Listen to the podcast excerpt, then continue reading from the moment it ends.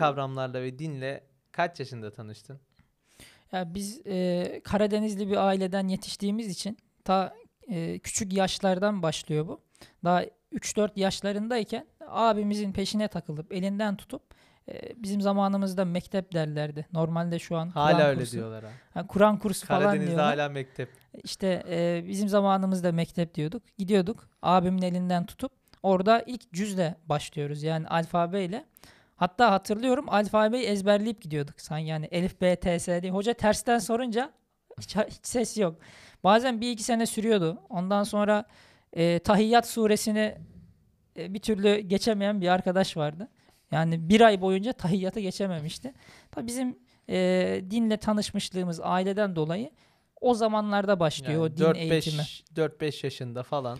Aynen. Özellikle de hani bizim gibi Karadenizli e, bir aileden yetişiyorsan köy ortamında falan 4-5 yaşında başlıyorsun diyorsun. Öncesinde de zaten evde anne babadan görüp e, biz de bir seccade alıp kafamıza bir takke koyup namaza bir hevesleniyorduk. Bizim e, bir abi vardı İbrahim dayı diye. Allah razı olsun namaza başlamamda çok büyük etkisi vardır. Her camiye gitmemde aklım ermiyor yani giderken para verirdi. Para almak için çok namaz kıldım o yaşlarda. Allah kabul etsin. Allah razı Abi peki e, yani sence bu böyle yani bir çocuk için düşün. Daha böyle e, tertemiz bir kağıt gibi yani.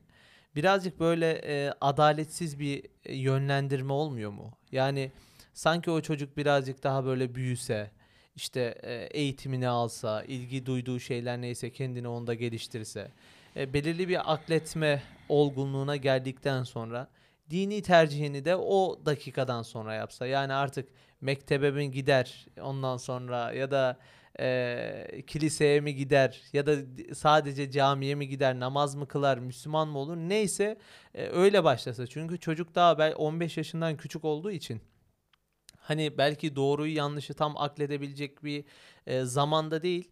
Hani böyle o zamanda çocuğu hani bizde de öyle oldu. 4-5 yaşında direkt gönderiyorsun mektebe. Aslında onun aklete akledemediği bir zamanda sen onun yerine akletmiş ve önceden yönlendirmiş oluyorsun. Hani e, böyle yapılsa hani belirli bir akıl olgunluğuna erdikten sonra e, seçim o dakikadan sonra ona sorulsa, o dakikadan sonra yönlendirilse, teklifler anlatılsa daha objektif ve tarafsız olmaz mı sence? Aynen şu aralar e, Twitter gündeminde de çok konuşulan bir mesele. Yani e, çocuklara din dersi verilmese e, ya da dini öğreti öğretilmeden tamamen kendileri seçsin diye bu e, çok konuşuluyor şu an Twitter'da. Ama e, din seçimi yani iki tane fotoğraf gösterip hangisi daha güzelse onu beğenmek kadar basit bir seçim değil.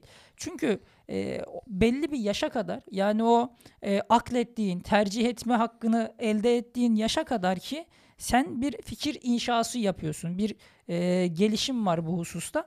Şimdi örnek olaraktan e, mesela en basitinden ben Galatasaraylıyım. Yani şu anda e, ben Gal- neden Galatasaraylıyım diye soracak olursam küçükken abimle izlediğim maçlardan ondan sonra e, Avrupa kupaları, Şampiyonlar Ligi falan derken böyle o maçları izledikçe Galatasaraylı haşır neşir ola ola daha sonra ben Galatasaraylı olduğumu iddia ediyorum. Ama biri gelip bana dese ki dur bu objektif değil. Sen daha küçüksün. Hiçbir takımı tutma. 15 yaşına gel. Biz sana bir Fenerbahçe'yi gösterelim. Bir Galatasaray'ı gösterelim. Sen tercihini yap deyince yani bu çok bir şey olmuyor. Çünkü e, benim o yaşa kadar ki bir bağ kurmam gerekiyor. Ondan sonra o takımla bir e, ilişki yani o yaşına kadar ki gelişen süreçte takımla bir bağ kurup onun taraftarı olmam Ki gerekiyor. Yani kuruyorsun abi yani sen Aynen. istemesen de yani burada mesela çevrenin e, yani sosyal çevrenin rolü var. E, okula gidiyorsun, eğitim alıyorsun ya da ilgi alanlarına göre kursa gidiyorsun artık nereye gidiyorsan E, onun rolü var. Aslında sen e, sanki böyle hani çocuğu tarafsız bırakalım derken yani hiçbir şey biz ellemeyelim kendi tercih etsin derken sanki başkasının eline bırakıyormuşsun gibi yani ağırlık neyse ağırlık anlayış neyse kalabalık nasılsa çocuğu birazcık ona yönlendirme gibi de bir taraf var yani. Mesela eğitim Aynen. sistemi ben yani çocuğa tarafsız davranayım. Hani ben ona e, neyi seçmesi gerektiğini, neye inanması gerektiğini söylemeyeyim. Ama onu gönderdiğim okul, e, orada e, öğretilen e, derslerdeki eğitim sistemi ne kadar tarafsız mesela? Bunu da konuşmak lazım. Sence mesela tarafsız mı eğitim sistemi? Aynen. Ben de ona değinecektim. Şimdi e, ben o takım örneğinden biraz daha basite indirgeyecek olursam ben Galatasaraylı neden oldum? Abim maç izlerken yanında bulunduğum için e, oradaki abimle geçirdiğim vakitlerden evdeki halkla e, çoğunluğun bu takımı tutmasından dolayı bende de bir Galatasaray, Galatasaraylılık oluşuyor. Aynı o şekilde dediğin gibi şimdi biz objektif olalım deyip çocuğa herhangi bir dini eğitim vermedin mi bu çocuk dinin haricindeki her türlü akıma zaten maruz kalıyor. Sosyal medya içeriklerinden tut, izlediğimiz dizi ve filmlerden hatta e, izlediği dizilerden ki karakterleri kendi hayatına indirgemeye çalışıyor. Yürüyüşünden, giyinişine kadar. Yani biz sürekli belli bir yaşa kadar bir e, tarafsız bir e, fikirler tarafından belli bir tarafa doğru yönlendiriliyoruz. Aynı şekilde dediğin gibi eğitim sistemi de buna dahil. Yani taraflı fikirler tarafından Ha, aynen yanlış söyledim. Belli bir alana taraflı fikirlerin yönlendirmesine maruz kalıyoruz. Bunu mesela şu anki psikoloji aslında bize biraz böyle örnek olabilir. Ne diyor mesela? Sen çocukluğunda şunu yaşamışsın, bunu yaşamışsın. O yüzden sen de şu anki düşünce sistemine şu etki ediyor. Hani bu Aynen. bu çıkarımda ne kadar e, doğru o başka bir podcast'in belki konusu ama hani sonuçta bunu bilim düzleminde söylüyorlar değil mi? Yani senin şu anki böyle böyle algılamanın sebebi e, geçmişte çocukluğunda işte yaptığın ya da sana yapılan bir şey. Ha, demek ki ne olmuş? Ben mesela tarafsız kalmaya çalışırken benim yaşadığım belki çevrem tarafından belki ailem tarafından gelen bir şey beni yönlendirmiş oluyor. Hani bu noktada da sanki e, tam tarafsız kalamıyorsun. Mesela eğitim sistemi bu noktada e, tamamen belki de tarafsızlığın olmadığını anlayabileceğimiz e, çok büyük bir şey yani. Senin bir örümcek örneği vardı. Onu bir anlatsana. Aynen. Ee, ben bizim yani o taraflarda özellikle fındık bahçelerinde falan çok örümcek olur. Böyle dalların arasına koskoca ağları örerler. Bunu ören örümcek de yani baktığın zaman çok küçük bir şey. Ben hep şuna hayret ederdim. Ya Allah'ım sen bu kadar büyük ağları bu örümceğin içine nasıl sığdırıyorsun? Yani ben öyle düşünüyordum. O ağ örümceğin içine nasıl sığıyor? Çok büyük bir mucize benim gözümde. İşte bunu fen bilgisi hocama sordum. Sorana kadar ben örümceklerden hep Allah'a hayret ederdim. Allah'ın yaratmasına böyle bakıp böyle bir hayret duygularım hep kabarırdı. Fen bilgisi hocamız da Allah razı olsun orada kendince yani kendi mesleğinin gerektirdiği şekilde izah etti. Dedi ki Eğitim sistemine uyarak. Aynen. Ee, örümceğin içinde ağ yok dedi. İçinde belli bir gaz var. Bu gaz oksijenle tepkimeye girdiğinde ağ oluşuyor. Yani dolayısıyla örümceğin içinde az bir gazla çok ağ yapabiliyor diye e, böyle bir açıklama yaptı. Ben o zaman dedim ki ha ay Allah'a şükredecek, Allah'a hayret edecek, Allah'ın yaratmasına bakacak. Allah'lık bir şey yok bu olayda. çok da bir şey Ha. yok mu? Aynen çok da bir şey yokmuş yani Hani içindeki gaz dışarı çıkıyormuş. Şimdi e, bu noktada gerçekten baktığımız zaman e, fen bilimleri eğitimlerine e, tamamen uzay zaman içinde gözlemlenebilir alanlara hapsolmuş bir eğitimden geçiyoruz. Her sonuç belli sebeplere dayandırılaraktan bize anlatılıyor. Şimdi biz bir dini eğitime tabi olmuş insanlar olaraktan şu an hangimiz yağmuru Cenab-ı Hakk'ın rahmetine verebiliyoruz? Yani a, e, şey oldu, bulut oluştu. Demek ki yağmur gelecek. Yani aklımızdaki bütün e, sebep sonuç ilişkilerini yani bütün sonuçları belli bir sebeplere dayandırıp o noktada Cenab-ı Hakk'ın varlığını, birliğini görebileceğimiz, benim kul olduğumu bana hatırlatıp Allah'ın da ilah olduğunu hatırlatabilecek bütün doneleri sebeplerle açıklayan bir eğitim sisteminden Evet geçiyoruz. abi sanki şöyle oluyor. Yani eğitim sisteminin içerisindeki o bilim, bilimsel kavramı böyle eee, şey gibi putlaştırılmış eee, bir eee, ilah gibi yani. Öncelikle bir bilimsel tanımı yapıyorsun. Nedir bilimsel tanımı? İşte bu üç boyutlu uzay zaman düzlemi içerisinde gözlemlenebildiğin ve sürekliliğini görebildiğin, teste tabi tutabildiğin şeye bilimsel diyorsun. Şimdi otomatik sen zaten bu bilimsel tanımını yaparken başka bir boyuta atıf yapmayı reddettin. Dedin ki hayır başka boyuttan konuşmayacaksın falan diye.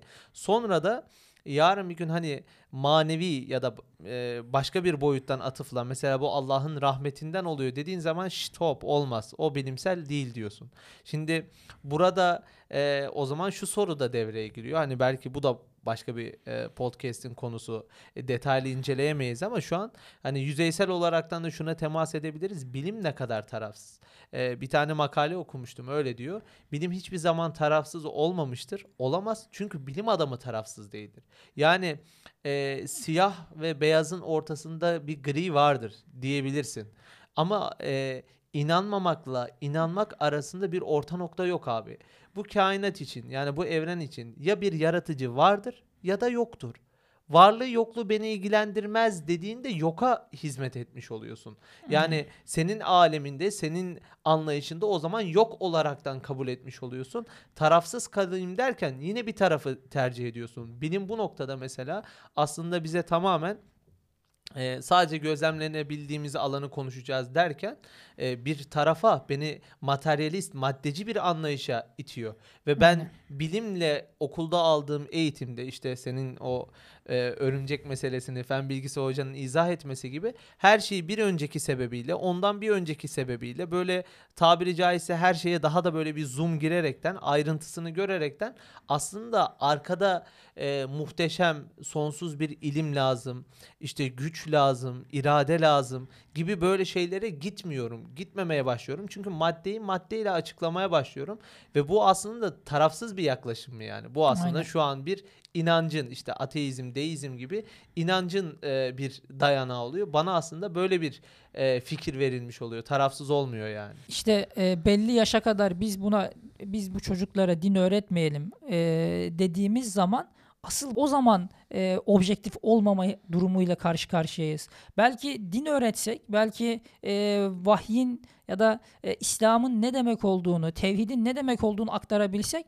o zaman materyalist e, yapıda bir eğitim sistemiyle dini bir sistemi yan yana koyup belki yine tercih yapabilir. Ama bunu tamamen kaldıralım. Pozitif ilim verelim dediğimizde asıl bu objektifin dışına çıkıyor. Bu bu e, diğer ateizm, deizm gibi, materyalizm gibi taraflara hizmet ediyor. Yani bu Evet. noktada belki e, hocaların da e, suçu yok. Ama hani sıkıntı şurada. Yani fizik dediğimiz şey ölçmeden ibaret. Kimya dediğimiz şey e, elementlerin formüllerinden Tepkimeleri. ibaret. Yani bunları zaten e, sadece bunlara maruz kalmak demek maddeyle ilişki kurmak demek. Sadece benim tek işim bunların hızıyla, ivmesiyle, bu bunun atom numarasıyla iyi de bunların yani ben insan olaraktan e, sadece maddeye maruz maddeyle ilişki kuracak bir varlık olmadığım için bunların arkasında neden böyle oluyor, nasıl böyle oluyor? Yani bu e, kendime baktığım zaman bende neden bu hisler var? Bu tarz arayışları ve yorumları yapmıyorum. Yani tam bir şeyi Allah'a vereceğim o noktada. Biri, biri gelip diyor ki yok bunun fizik kanunu bu şekilde bu buradan geliyor. Yani daha e, bu gerçekten çok uzun e, farklı podcastlerde konuşulabilecek konular. Ama özetle yani bizim şu an belli bir yaşa kadar e, dinin haricinde aldığımız hiçbir kaynak tarafsız ve objektif değil. İzlediğimiz filmlere kadar. Şu an bir dizi film de izleyemiyorsun. Direkt sana herkes kendi fikrini dayatmaya çalışıyor. Kendi mesajını vermeye çalışıyor. Böyle bir toplumda biz bu din eğitimini kaldıralım ya da çocuklara din öğretmeyelim dediğimizde maalesef o tarafların fikirlerine maruz kalıyor. Evet. Yani tarafsız olamıyoruz. Ee, hem de bunun gerçekten e, bir çocuk için abi yani herhangi bir inancın e, diyeyim e, eğitiminin verilmemesi çocuğun kendisi içinde e, çok böyle psikolojik e, bunalımlara ya da mesela hayata anlamlandıramamasına da sebep oluyor. Hani dedik ya hep e, maddeyi e, maddeyle madde için e, alaka kurduruyoruz. Bu şey gibi yani bize belki bir kitap veriliyor. Bizden okumamız isteniyor. Biz kitabın kapağını, işte kapaktaki yazının yazı tipini, işte puntosunu, kitabın işte içerisinde kullanılan mürekkebin markasını falan gibi hep böyle maddi şeylerle ölçüyoruz ve ölçtüğümüz şeyler gerçekten de doğru tutuyor. Ama emin miyiz acaba bizden sadece kitabı ölçmemiz mi isteniyor yoksa okumak mı isteniyor? Hani dedin ya e, kimya, işte fizik aslında bunların farklı farklı şekillerde, farklı farklı boyutlarda ölçülmesi ve gözlemlenmesidir diye. Ve sen maddeyle bu şekilde ilişki kurduktan sonra abi senin için sen sadece hani her herkes bir organizma derecesine giriyor. Annen yani o da benim gibi atom yığınlarından oluşmuş bir organizma. Babam, babam da öyle, ben de öyleyim. E onların mesela ölümü, benden ayrılması Aslında beni e, yani e, her organizma bir şekilde varlığı son bulur, ölür diyor. Ama sence e, bir çocuğun anlayışı, bir çocuğun psikolojisi böyle bir tanımı kaldırabilir mi yani? Yani şu an e, sen de biliyorsun ki e, psikolojide çok yaygın bir kavram travma dediğimiz çocuklukta yaşadığın büyük hadiselerin etkisinde kalıp ömür boyu onun etkisinden kurtulamıyorsun. Artık nasıl bir yara açıyorsa insanda. Şimdi e, ve şu anki psikolojik sorunların hepsini modern psikoloji çocuklukta yaşadığı travmalara, o etkilere dayandırıyor. Böyle hassas bir varlık e, var karşımızda ve bunun bunun da tek teselli alabileceği, tek yorumlayabileceği şey din, din kaynağı. Nasıl? Benim abim vefat etti. İki tane çocuğu vardı yeğenlerim. Bunların yaşları e, daha Hamza or, e, ortaokula gidiyordu. Yani benim yeğenim. Şimdi biz bu çocuğun babası vefat ettiğinde ne diyeceğiz bu çocuğa? Yani tek verebileceğimiz teselli babanla cennette bir kuş oldu. Tekrardan buluşacaksınız inşallah diye. Bu şekilde ancak yaklaşabiliyoruz Ya olaya. Onun anlayabileceği misallerle ondan sonra öyle deyince he bak benim babam yok olmamış. Hiçliğe de gitmemiş. Aynen. Ben yarın bir gün tekrar onunla görüşeceğim. Sadece şu an aynı alemde değiliz diye. Hani e, bu tesellinin bile e, onun ondan sonra psikolojisine e, çok büyük bir katkısı var aslında yani manevi eğitim e, Aynen. verilmesiyle. Yani e, sadece o da değil. Mesela bir kayıp olarak da düşünmeyelim.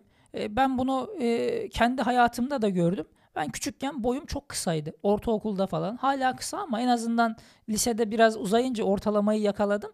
E, şimdi herkesin bir lakap takma olayı var. Bakıyorsun yanındakiler uzun. Sana gelip Coruk Emrullah diyorlar. Yani bizim oranın tabiriyle. Küçük demek bu. Şimdi bu bile e, hatta bundan dolayı intihar eden çocuklar var yani kendi tiplerini, kendi fiziksel özelliklerini beğenmediği için. Şimdi e, ben bu noktada Allah'ın varlığını, birliğini bilip hep mülkün onun olduğunu ve kullarını en güzel şekilde yarattığını ve nasıl yaratıyorsa onu güzel yarattığı gibi manaları gerçekten vahiy terbiyesiyle, din terbiyesiyle almadım mı e, ben bu olayı nasıl bir yorum getirebileceğim? Bunlar şimdi şeyde gözükebilir hani böyle dışarıdan e, dinleyiciler için e, düşündüm de hani siz bu varsayımlara işte cennette kuş oldu ya da e, bütün mülkün sahibi Allah'tır gibi yaratıcıdır gibi şeylere nereden ulaşıyorsunuz da böyle löp diye bir ön kabulle onu söylüyorsunuz. Bunların hepsi tahkik edilmesi lazım. Ta, Tabii. yani e, aklı e, belirli olgunluğa gelmiş bir insan için sonra bu fikirler belki de hani e, araştırma, içselleştirme, delil toplama sonucunda tam böyle kabullenebiliyor. Ama bir çocuk için bile hani biz varsayalım ki o aşamalardan geçtik. Bir çocuğa e, bunun telkininin aslında ne kadar önemli olduğunu söylüyoruz burada. Bir daha abi aklıma şu geldi şimdi. Yani aslında hani belirli bir yaşa kadar bu çocuklara din eğitimi vermeyelim, onları özgür bırakalım, e, tarafsız davranalım. Sonra e, akletme işini doğru yapabildikten sonra o zaman önüne tercih sunalım diyen insanların da aslında bu noktada biraz bir haklılık payları var. Yani kaçırdıkları bir şey var. Bizim bir suçumuz olaraktan diyeyim. Yani toplumumuzun genel suçu. Biz e, din dediğimiz şeyi, e, din dediğimiz kavramı sadece şey olaraktan biliyoruz. Toplum olarak haram, helal, işte caiz, vacip. Şimdi hep böyle kurallar üzerinden. Yani din nedir? Din bir kurallar topluluğudur.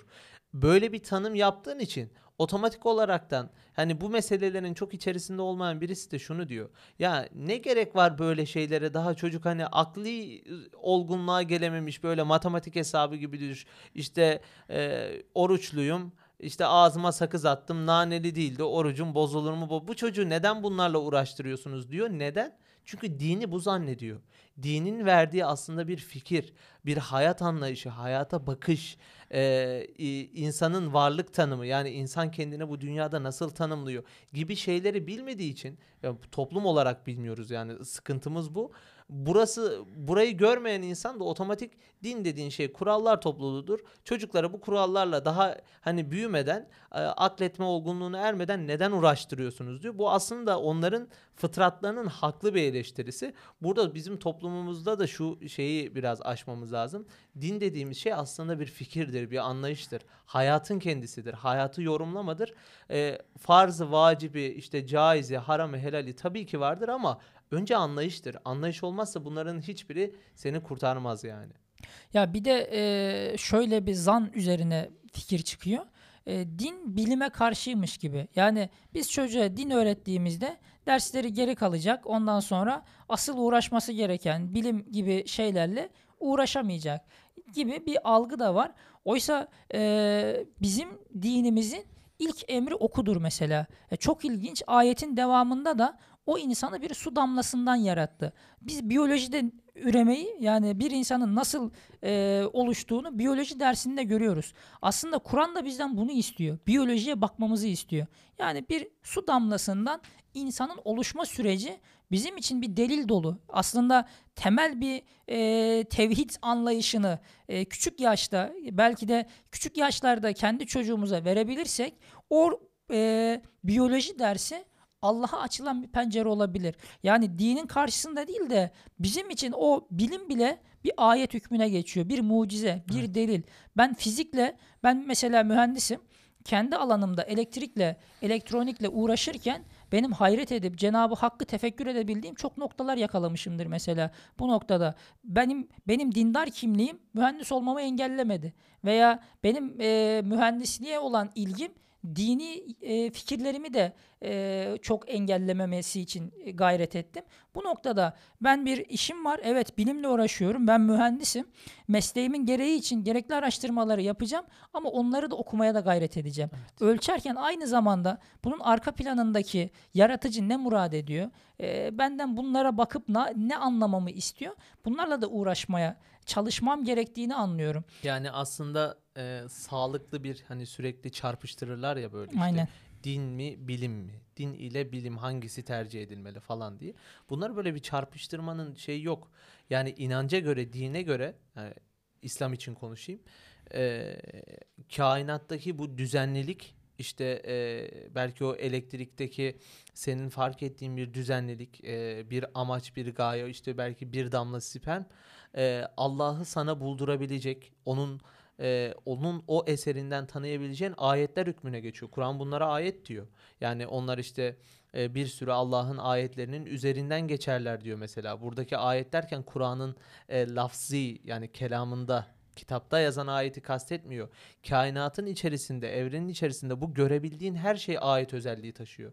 Yani sen işte burada yine aslında demin önce konuştuğumuz şeye geliyoruz. İnsanların böyle dini bilimi çarpıştırmasına hiç gerek olmadan böyle istediği kadar bilim yapabilirken hatta bu noktada bilim belki de en çok e, bir inancın malı olması lazım gelirken biz böyle hani inançtan soyutlayıp e, tek düze bir bilim sadece ölçüp e, biçeceğimiz bir e, bilim anlayışına indirgiyoruz.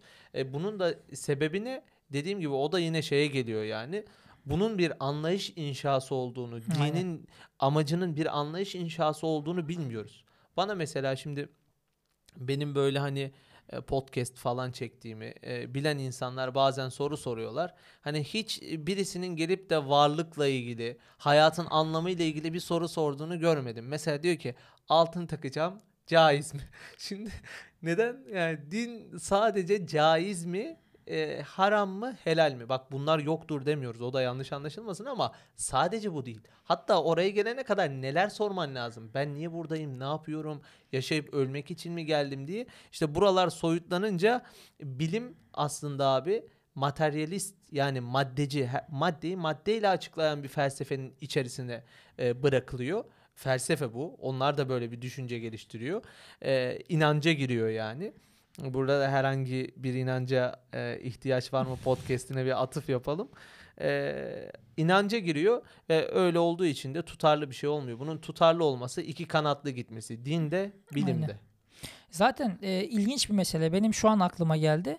E, bizim dinimizde mükellef dediğimiz bir kavram var. Yani amellerin farzıyla, vacibiyle, caizliğiyle, haramıyla mükellef olduğun bir yaş ergenlik yaşı 15'tir.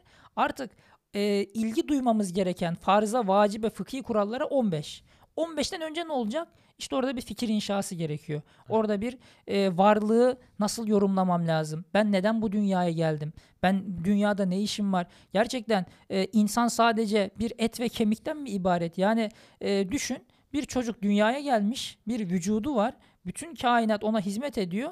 Biz çocuğa diyoruz ki oğlum sen ileride e, 3 saniyede sıfırdan 100 kilometreye ulaşan arabanın hızını e, bir buçuk saniye indirmek için çalışman lazım. Evet. Bütün gayretini buna vereceksin. Şimdi çocuk o noktada gerçekten bir sorgular. Tamam bunu yapayım da dur. Ben niye dünyaya geldim? Sonunda Ha, yok olacaksam yani niye bana bunu ben yaptırıyorsun? niye geldim? Nereden geldim? Yani yoktan niye var edildim? Bu gibi soruların e, önem kavramı bence daha önemli. Yani e, bilim de geliştireceksek mutlaka öncesinde temel bir tevhid anlayışının bu çocuklara verilmesi lazım. Yani ben mesela kendim din kültürü derslerini hatırlıyorum. Biz ezber yapıyorduk bol bol. Yani hoca bize şey sorardı. e, surenin mealini ezberletirdi. Onu sorardı. Veya aşağıdakilerden hangisi doğru bir davranıştır? Yere çöp atmak. Mesela çok basittir. Din hep şey şey gözükür mesela zaten basit. Böyle cepte yüz alacağın sınav olarak gözükür. Ben biz böyle ben zaten böyle bir din algısını da çok doğru bulmuyorum ki eleştirilmemizin sebebi de bu. Gerçekten en başta senin dediğin gibi belki bir varlık anlayışı, ben neden geldim, nereye gidiyorum gibi temel konular üzerine benimle ilah arasındaki nasıl bir ilişki var? Ee, bu konuları çocuklara verilirse bu çocuğa daha sen din eğitimi verme. O zaman fiziğe de baksa o fizikteki Cenab-ı Hak o düzenlilikten, o e, serbest düşüş kanunlarından Cenab-ı Hakk'ın düzenini görüp sürekli ona bir pencere açar. Evet. Her fen kendi lisanıyla Allah'tan bahsedecektir zaten diye anlıyorum ben bunu. Ya bunu e, yani demek ki bu- bunu mesela şimdi biz de bu eğitim sisteminin içerisinden bu materyalist maddeyi maddeyle açıklayan bir felsefenin ürünü olan eğitim sisteminden geçtik. Biz bile hani bu konular üzerine düşünelim, fikir geliştirelim derken biz bile bazen e, bildiğimizi zannettiğimiz ya da onun öyle olduğunu varsaydığımız çok olay yaşıyoruz. Yani biz de e, ortaya çıkan bir şeyi bir önceki şeyle açıkladığımız çok zaman oluyor. Neden? Çünkü o şırıngayı bu yaşına kadar yemişsin. Bizim bile bazı şeylerimiz değişmiyor. Sen bir çocuğa hani belirli bir yaşa kadar bütün o şırıngayı e, verdikten sonra sonra da hadi biz şu an uğraşıyoruz böyle meselelerle, bu kavramlarla. Hiç uğraşmayan bir çocuğa hadi bakalım bu dakikadan sonra sen kendi yolunu kendin çiz demek e, aslında çok e, tutarsız oluyor. E, demek ki e, yani burada varabildiğimiz son noktayı da söyleyelim öyle bitirelim. Yapılması gereken şey e, onun akletme zamanına kadar e, kendi ona bir anlayış geliştirmek için işte belirli sorularla belki varlığını, dünyaya bakışını anlamlandıracak şeyler söylemek çünkü çünkü bence en büyük bir insana yapılabilecek iyilik bu. Yoksa bir insanın yok olma karşısındaki duyduğu korkuyu yeni çıkan bir iPhone modeli susturamaz abi yani. iPhone 15 e, e, sen de işte iPhone 16'yı çıkart. E, bu yok olma korkunu tatmin et. Hayır yani onu sadece oyalamış, kandırmış olursun. Önce bir yokluk problemini, yokluk korkusunu aklından çıkartmamız lazım. Sonra istediği kadar bilim üretsin. Daha kaliteli belki de e, daha ciddi bir e, sarılışla e, odaklanaraktan bunu yapabilir. O yüzden bu işlerin hani böyle iki kanatlı gitmesi e, lazım diye anlıyorum. yani. Aklın gıdası bilim, e, ruhun gıdası da bu noktada bir anlayış, bir din, bir e, semavi bir kaynak olaraktan e, aktarabilirsek çok daha istikametli olur. Evet. Bu da inanç üzerine konuştuğumuz ikinci podcast'imiz oldu abi seninle. Başka bir podcast'te görüşürüz o zaman.